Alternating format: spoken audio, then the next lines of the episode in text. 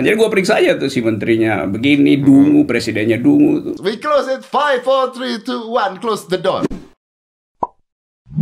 Rocky Gerung. Ah. Bisa nyampe sini gue. iya. Anda adalah eh, bro, lu tuh menurut gua adalah manusia paling fenomenal di tahun pemilihan presiden. Yang fenomenal yang maki-maki gue. ya, gimana rasanya Twitter satu setengah juta hilang bro? Ya si dungu aja yang ngambil itu kan. Dan sebetulnya mereka yang eh, rugi. Eh, Karena gue masih bisa Ngatain mereka? Ngatain mereka. lewat gini-gini kan, Iya. mereka nggak bisa ngatain Ya, lu. nggak bisa, nah, ya baru nyesel tuh. Baru nyesel. Menjadi bodoh berpikir dulu lah. tuh. Tapi lu nggak bikin lagi Twitter? Enggak belum. Kenapa? Kira gue siksa dulu tuh para pemaki itu. Yep. Hmm. Tapi lucu loh ya, maksudnya apa ya, Twitter aja bisa hilang. Tapi kan kita nggak tahu yang ngambil siapa bro. Itu mungkin itu kan dua hari menjelang pelantikan Betul. presiden ya. ah. Jadi gue pikir mungkin eh, mereka perlu 1,3 juta followers itu buat jagain acara pelantikan karena eh, pasukannya Nyai Roro Kidul nggak cukup. Nggak cukup. Nah sekarang udah selesai pelantikan, maksudnya dia balikin dong. Balikin, kan Sopan belum, begitu. belum dibalikin, belum dibalikin. Balikin ketahuan nanti kan. gitu. Kacau dah. Hancur. tapi tapi nggak fenomenal banget apalagi dengan kata-kata dungu yang ada di mana-mana. Yang marah ya yang dungu lah pasti. Kalau dia, kalau dia pinter kan dia diam-diam aja. Iya, tapi sampai di TV lu ditunjuk-tunjuk eh, apa ini kamu ya Presiden Dungu Indonesia. Ya udahlah itu biasa sebetulnya kan kan nggak ada yang personal di situ kan. Iya betul. Tiap kali gue sebutin dungu itu artinya gagal bernalar itu. Jadi dungu adanya di kepala bukan pada hati orang. Gue gak pernah bilang orang dungu. Cara berpikirnya dungu gitu. Cara berpikirnya dungu. Iya itu gagal reasoning gitu kan. Oke. Nah, yang dungu ini sebenarnya siapa gitu? Ya se- setiap orang yang gagal bernalar itu pasti dungu. Ya, ah. Nah karena kekuasaan yang terlihat setiap hari, maka sasaran gue kekuasaan. Jadi gue periksa aja tuh si menterinya begini, dungu, presidennya dungu tuh. Nah, Kalau presiden Tapi jalan pikirannya ya bukan orangnya. Jokowi pasti orang baik tuh. Tapi ada kan jalan pikiran yang yang dungu. tidak bernalar sehingga gue mesti sebut menghindari kata saudara presiden, saudara menteri gagal menggunakan alat berpikir yang diberikan oleh Tuhan agar supaya kita disebut manusia dalam kurung dungu tuh. Ah, Kalau itu- gue sebut panjang begituan kan, wah itu wah, habis buat nge-tweet aja panjang tuh. Mending Mending dungu gitu ya. Dungu itu sama kan. Tapi kalau kalau kalau lu mengatakan bahwa presidennya dungu berarti rakyat memilih dungu semua dong, Bro. nggak semua dungu tuh. Rakyat itu Kan dia milih. Betul. Kalau memilih orang dungu berarti dungu dong. Betul, tapi dia nggak memilih orang dungu. Ah. Dia tidak tahu bahwa presiden akan menghasilkan kebijakan yang dungu tuh. Lain kalau presidennya Jadi- dari awal sebutin itu tuh. Oh jadi yang milih itu eh, bukan dungu tapi nggak ngerti apa-apa. Iya, tapi gue di bahasa basi ya sebetulnya ya juga. Ya dungu juga. dungu dungu juga nggak ngerti apa-apa dungu dungu juga. Mesti siksa dikit. Iya iya muter. ya salah milih artinya salah bernalar kan. Salah benarar. Oke. Iya, Ya. itu ada. Hmm. Jadi banyak yang dungu. Ruhut Sitompul. Ruhut mah, gue bilang seperempat aja nggak mampu dia pakai kecerdasan. Minimal ya mendekati 80% lah, makanya nggak bisa. Iya, ya dengan sendirinya dungu, masa mau, di- mau disebut kalau disebut cukup berakal tuh kelebihan tuh. Kalau cukup berakal kan artinya eh, mendekati pintar. Iya, dong. jadi tuh uh, mesti disebut gelasnya mendekati kosong gitu. Oh, iya. Gitu, lihat. Tapi pertanyaannya begini ya. Kit- kit- ini kan negara bicara bebas ngomong bebas ya. Yes. Lu nggak takut kena ITE? Karena itu gue pakai satire. Kan gue belajar tentang hukum kan. Hukum itu kan tidak mungkin sesuatu yang abstrak itu bisa di, dibeku. Karena itu selalu gue pakai satire itu. Betul. Nah, itu orang penasaran terus kan. Tapi kan bro, Anda tahu bahwa Hmm. kadang-kadang hukum ITE juga bisa ngambil orang-orang yang nggak salah. Iya itu eh, cuman orang dungu yang ngambil orang yang nggak salah kan tuh makin dungu lagi dia. Gitu. Logik dari hukum ya tentang peristiwa bukan tentang abstraksi. Tuh. Tapi nggak pernah ada tuntutan. Ada dong. Ada tuntutan banyak dong. Tuntutan di, di polisi itu mungkin masih ada tujuh, tapi Masih- dia nggak bisa proses Ah. karena dia nggak nemuin deli. Ya, lu tujuannya apa sih bro? Serius? Apa masuk apa museum rekor Indonesia gitu? Tuntutan terbanyak gitu? Tujuh loh. Ya sekedar nguji-nguji pikiran orang aja kan. Kan pikiran hukum juga mesti kita uji. Misalnya soal fiksi itu yang gue sebut kitab suci adalah fiksi bila imajinasi itu eh, membuat kita berpikir dalam gitu. Itu sampai sekarang belum dicabut tuntutan itu. Tapi mana ada delik tentang fiksi bisa dibongkar dengan hukum. Dia bisa kalau di seminar. Jadi bisa salahin gue di seminar. Kalau dipanggil ke polisi, polisi bingung sendiri tuh. Gue kasih ensiklopedia, lu baca aja tuh imajinasi itu. The, the true side of intelligence is not knowledge but imagination itu ada di Iya betul, imagination. Iya itu. Nah udah. Jadi kalau misalnya di, di Purwon Seri Ali, gue bilang tuh tanya Einstein tuh. Nanti tuh arwahnya Einstein jadi saksi ahli pusing. Jadi lu menggunakan kata-kata yang sebenarnya susah untuk dijelaskan. Bukan satir, satir, sarkasme Iya. satir. Iya. Cuman gue nggak mau eh, bocorin caranya tuh ntar. Banyak yang ngikut. Tapi kalau nih misalnya sial-sialan nih, eh kena lu satu bro, Aha. kena satu, kan masuk-masuk juga kalau kena. Ma masa nggak ada deg-degan nih kalau kena? Ya, ya. Itu kayak Ahmad Dhani tuh. Ahmad Dhani teman gue tuh. Ah, eh ini kena tuh. Ya kan itu itu gini gua, gua terangin ya. Ahmad Dhani itu kan dia bereaksi ketika dia dikeroyok di Surabaya kan. Nah, ah, Lalu dia bilang idiot. betul. Nah kata idiot itu itu kata tangkisan sebetulnya kayak orang menonjok refleksnya jalan eh Betul. gue tangkis dia tangkis dengan kata idiot Ah. jadi nggak dia maksudkan sebetulnya Kena. itu reaksi dia kena Kena. karena itu itu bagian itu yang dungunya di situ tuh Nah, kena. Nah, Apa kalau- bedanya dengan seorang Rocky Gerung mengatakan dungu? Kan sama idiot, dungu Iya. sama. Nah, karena itu- Ini juga ambigu nih, idiot juga ambigu nih. Kenapa lu kebal hukum? Anda kebal hukum Ini terangin ya. Karena waktu itu kata idiot belum dia rumuskan. gue udah rumusin duluan kan. Oh, Dungu artinya gagal nalar. Eh. Jadi bukan menghina. Jadi gue kan bilang, gue udah gue udah fair, gue udah sebutin kan. Gue pakai definisinya seperti itu. Iya. Atau definisi fiksi itu gue sebutin definisi gue begini ya. iya. Dungu. Se- Setelah lu ngomong dulu kan? Ya, enggak, gue definisikan dulu, baru gue pakai buat ngeledek. Oh, lu jadi, jadi fair dong, gimana? Iya. Iya, jadi maksudnya begini nih ya, gitu. Baru lu Iya. pakai buat ledek orang ya. Nah itu bikin mereka tersiksa. Oh, Kenapa nggak pakai di kamus? Ya kalau di kamus gue kena delik dong. Kau mesti pakai fair dong. Gue sebutin begini definisi gue. Menurut gua begitu ya, ya. Terus Orang ngotot. Kok menurut lu? Ya jelas aja apa menurut lu. Lu kan dungu nggak bisa bikin definisi kan. Jadi gue buat definisinya untuk mengamankan satire gitu. Betul. Nah, itu yang tidak dilakukan sama Ahmad Dhani. Ya nyesel juga. Mestinya dia di samping gue waktu itu. Jadi Tapi harusnya ketangkep gak dia, Bro? siapa? Ahmad Dhani. Gimana ketangkep? Mestinya ketangkep. Ya kan dia Ya nggak harusnya, harusnya. Iya kan dia masuk ma- masuk kan? Masuk, tapi menurut lu harusnya hal yang Maksudnya dia lolos dong. Loh, itu kayak tangkis refleks kan. Lain kalau dia rencanakan mengatakan kata idiot itu tuh. Dianggap itu hate speech bukan. Itu, itu juga respon ya. dia respon. Lu mau ditonjok ya tangkis dong. Dia tangkis dengan kata dengan kalimat idiot. Kan gitu. Ya itu sebuah respon terhadap kejadian yang menimpa dia Iya. pada saat itu gitu. Tapi dia disebut sebagai eh, menghina itu atau eh, kalimat yang hate speech. Ya ya. Itu juga salah kata hate speech itu. Di dalam sejarah peradaban, hate speech itu hanya boleh dihukum bila dia dihubungkan dengan keadaan masa lalu di mana orang merasa terhina. Misalnya lu sebut negro, nggak bisa itu. Karena orang mesti bilang orang hitam itu. Karena negro dulu kata yang menghina. Atau Yahudi. Hmm. Yahudi pernah pernah tersingkir dalam eh, sejarah Eropa. Jadi nggak boleh jadiin kata itu untuk merendahkan, menghina. Nah kata idiot itu kata kata science, kata psikologi itu, bahwa orang kekurangan kemampuan untuk Berpikir. berpikir. Tuh. Nah kata itu bukan kata yang menghina sebetulnya. Dia menghina pribadi tapi bukan jenis hate speech. Hate speech itu mesti ada sejarah jauh ke belakang itu. Contoh misalnya nih, kalau misalnya sebut ah lo perempuan bego itu, kalau di Eropa itu langsung kena hate speech. Kenapa? Karena ada peristiwa dulu nenek sihir gitu. Ya ya ya. Jadi jauh di belakang saja. Zaman witch hunts, black iya, days, witchcraft sebagainya. segala macam Oh. itu. Kalau ada perempuan tinggal sendirian di rumah, diduga dia sedang bersekutu dengan setan. Padahal lagi lagi produksi, lagi baca itu. Maka orang menganggap perempuan itu eh, sumber apa namanya root of all evils itu. Ya.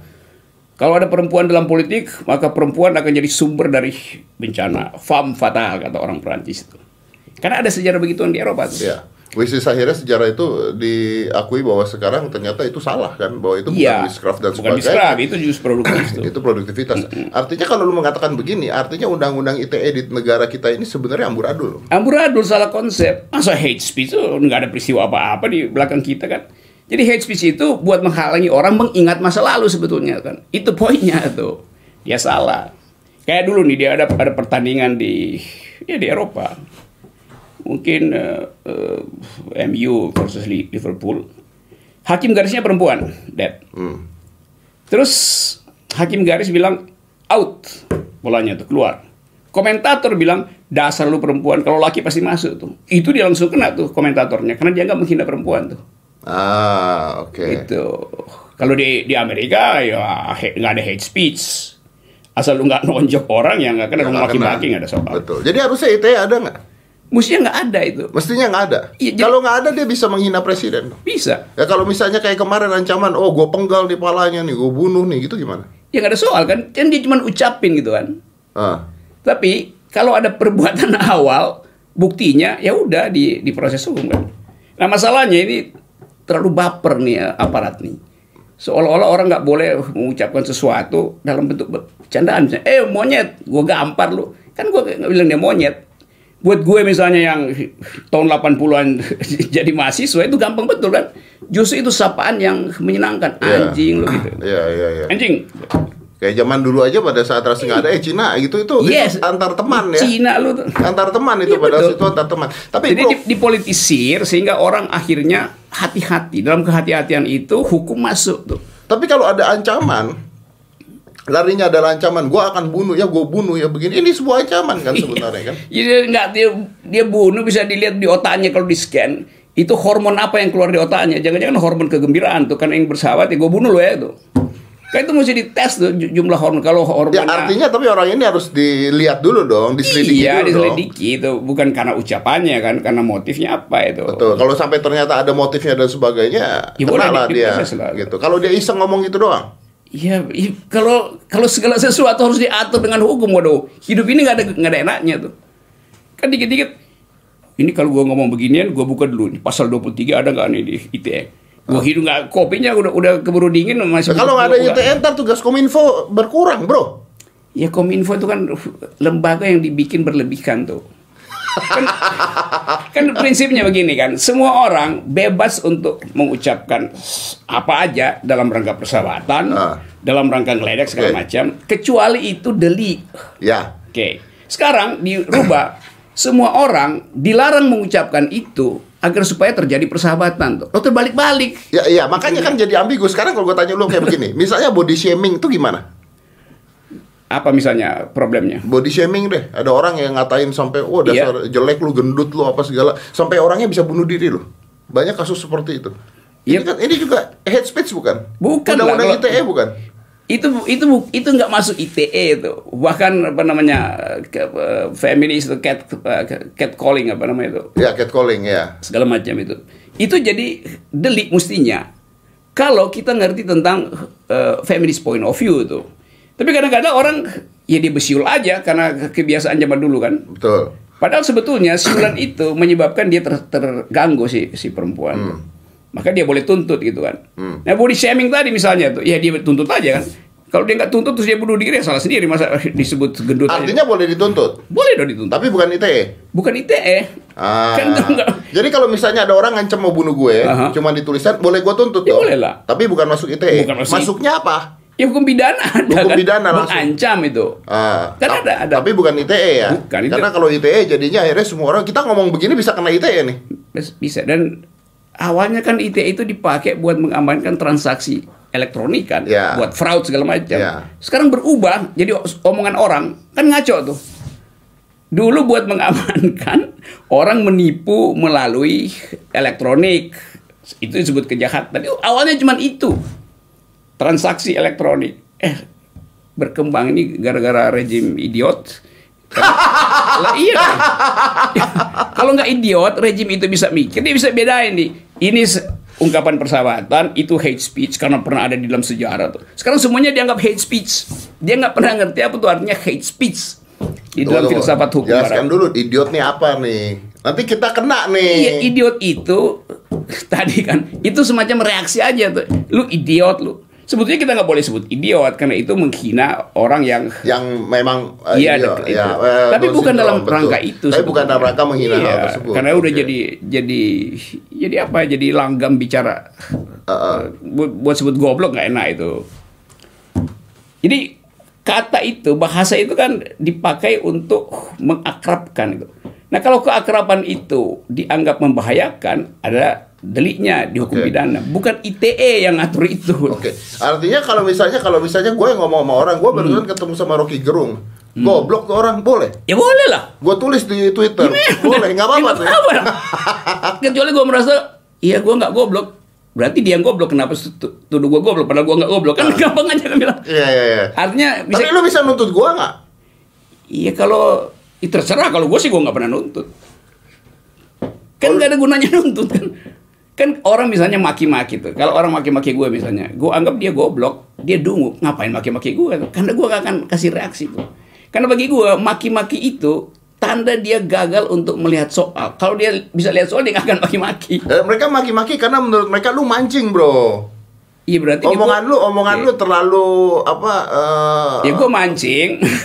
terlalu satir menggunakan sarkasme. Nah, kayak begitu kan? Here's the thing, bro. Not everybody understand sarcasm gitu loh. Lu menggunakan sarkasme di orang-orang yang tidak mengerti Emang. sarkasme ya nggak bisa dong. itu gue sengaja supaya bangsa ini masuk dalam tahap yang yang lebih enak dalam eh, ngeledek itu. Pakai satire lah itu.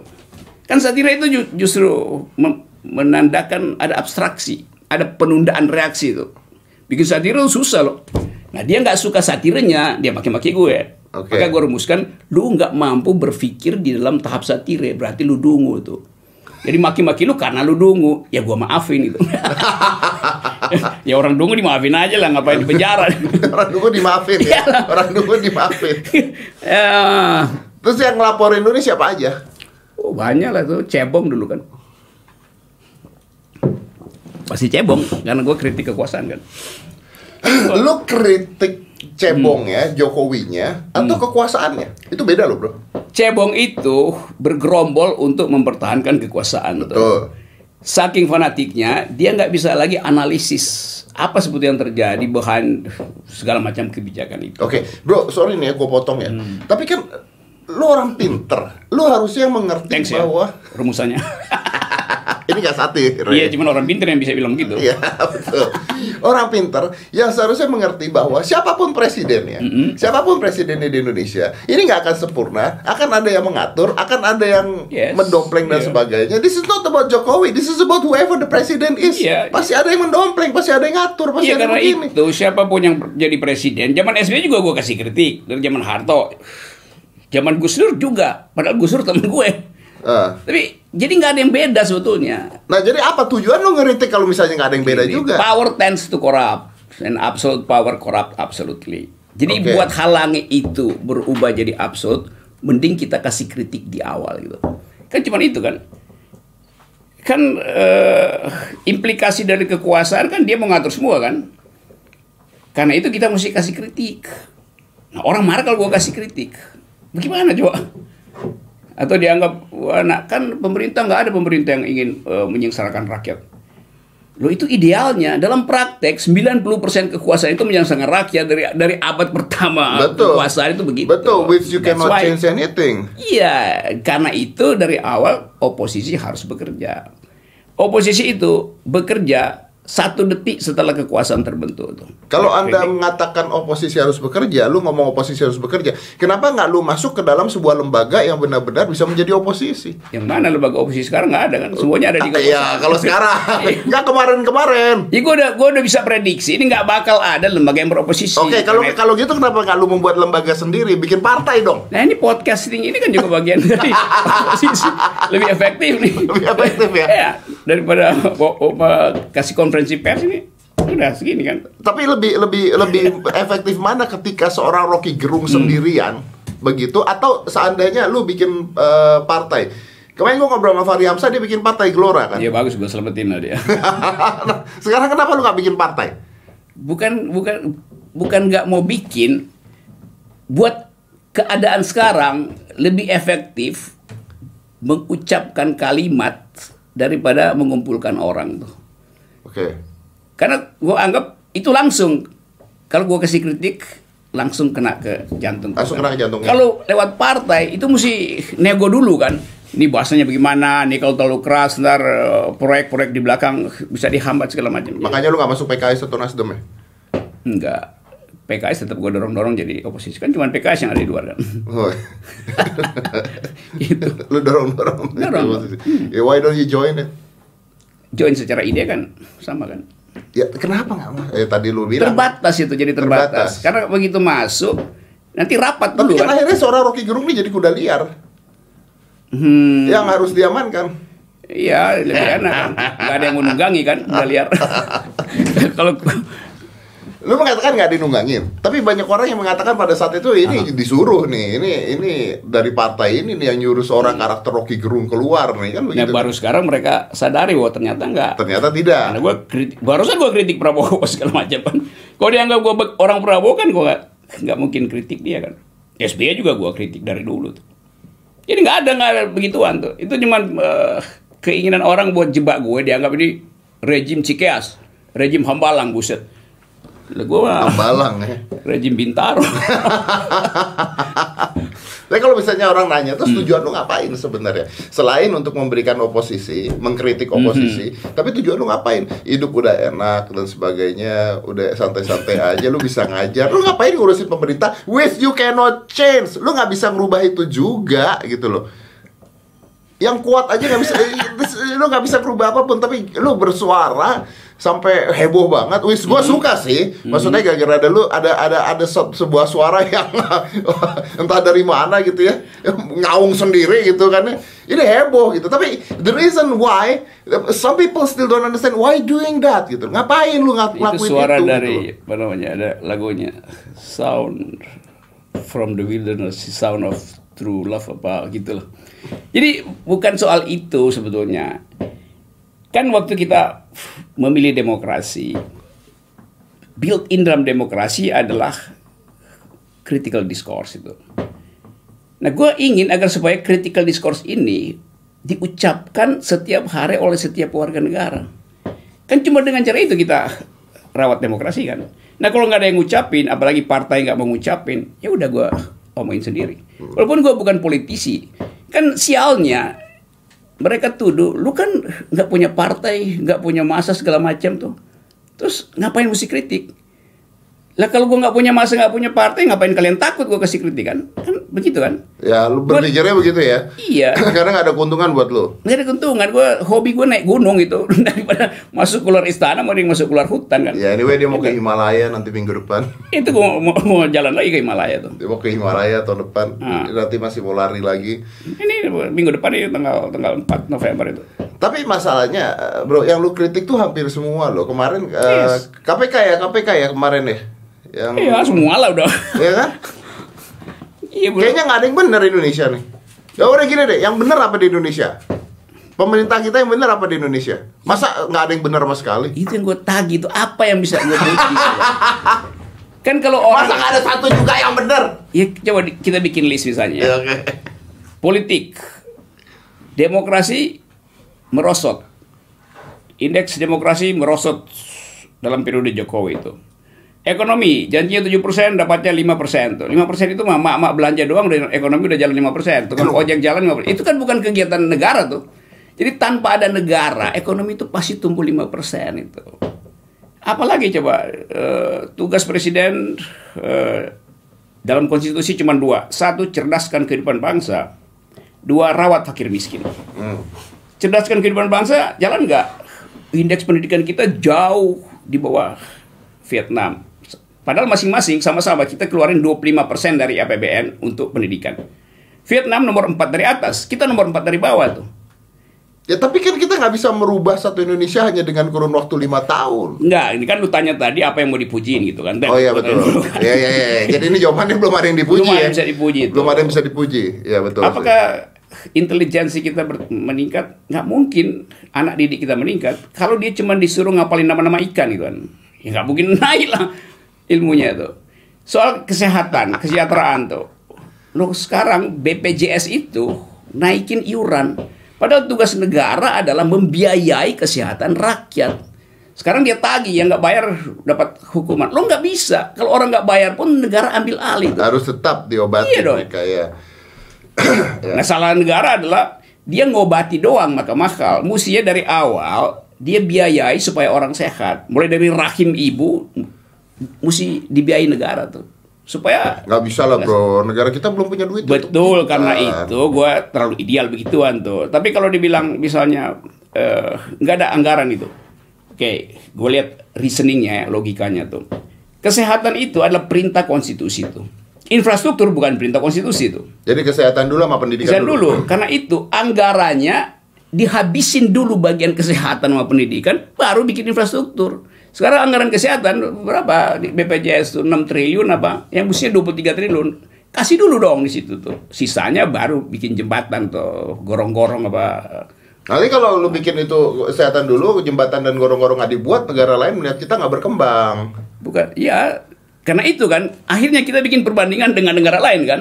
Kenapa nggak pakai perbandingan misalnya dengan Vietnam itu yang bikin orang berpikir bagus dulu baru dia bikin jalan segala macam infrastrukturnya. That's what happened Hmm. ketika Jepang dibom Nagasaki Hiroshima yang dilakukan sama Jepang adalah pada saat itu kesehatan dan pendidikan dulu yang harus dimajuin pada saat itu. Nah itu contoh misalnya tuh waktu Hiroshima dibom Panglima Perang Jepang lapor pada Kaisar Hirohito. Dia bilang begini, Kaisar, kita hancur, bangunan hancur, infrastruktur hancur segala macam.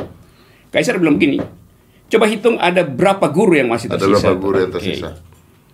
Akhirnya Kaisar bilang cukup itu untuk kita bangun lagi sampai 20 tahun ke depan. Ada berapa guru yang tersisa? Jokowi, guru demo ke istana berhari-hari, dia tanya pada menterinya, masih ada berapa guru yang demo di istana? Masih banyak pak. Kalau begitu kita jangan keluar, ngumpet aja. Dia nggak mau bertemu dengan guru. Hirohito bertemu dengan guru tuh. Dia pakai guru sebagai infrastruktur untuk bangun ulang Jepang. Kita nggak.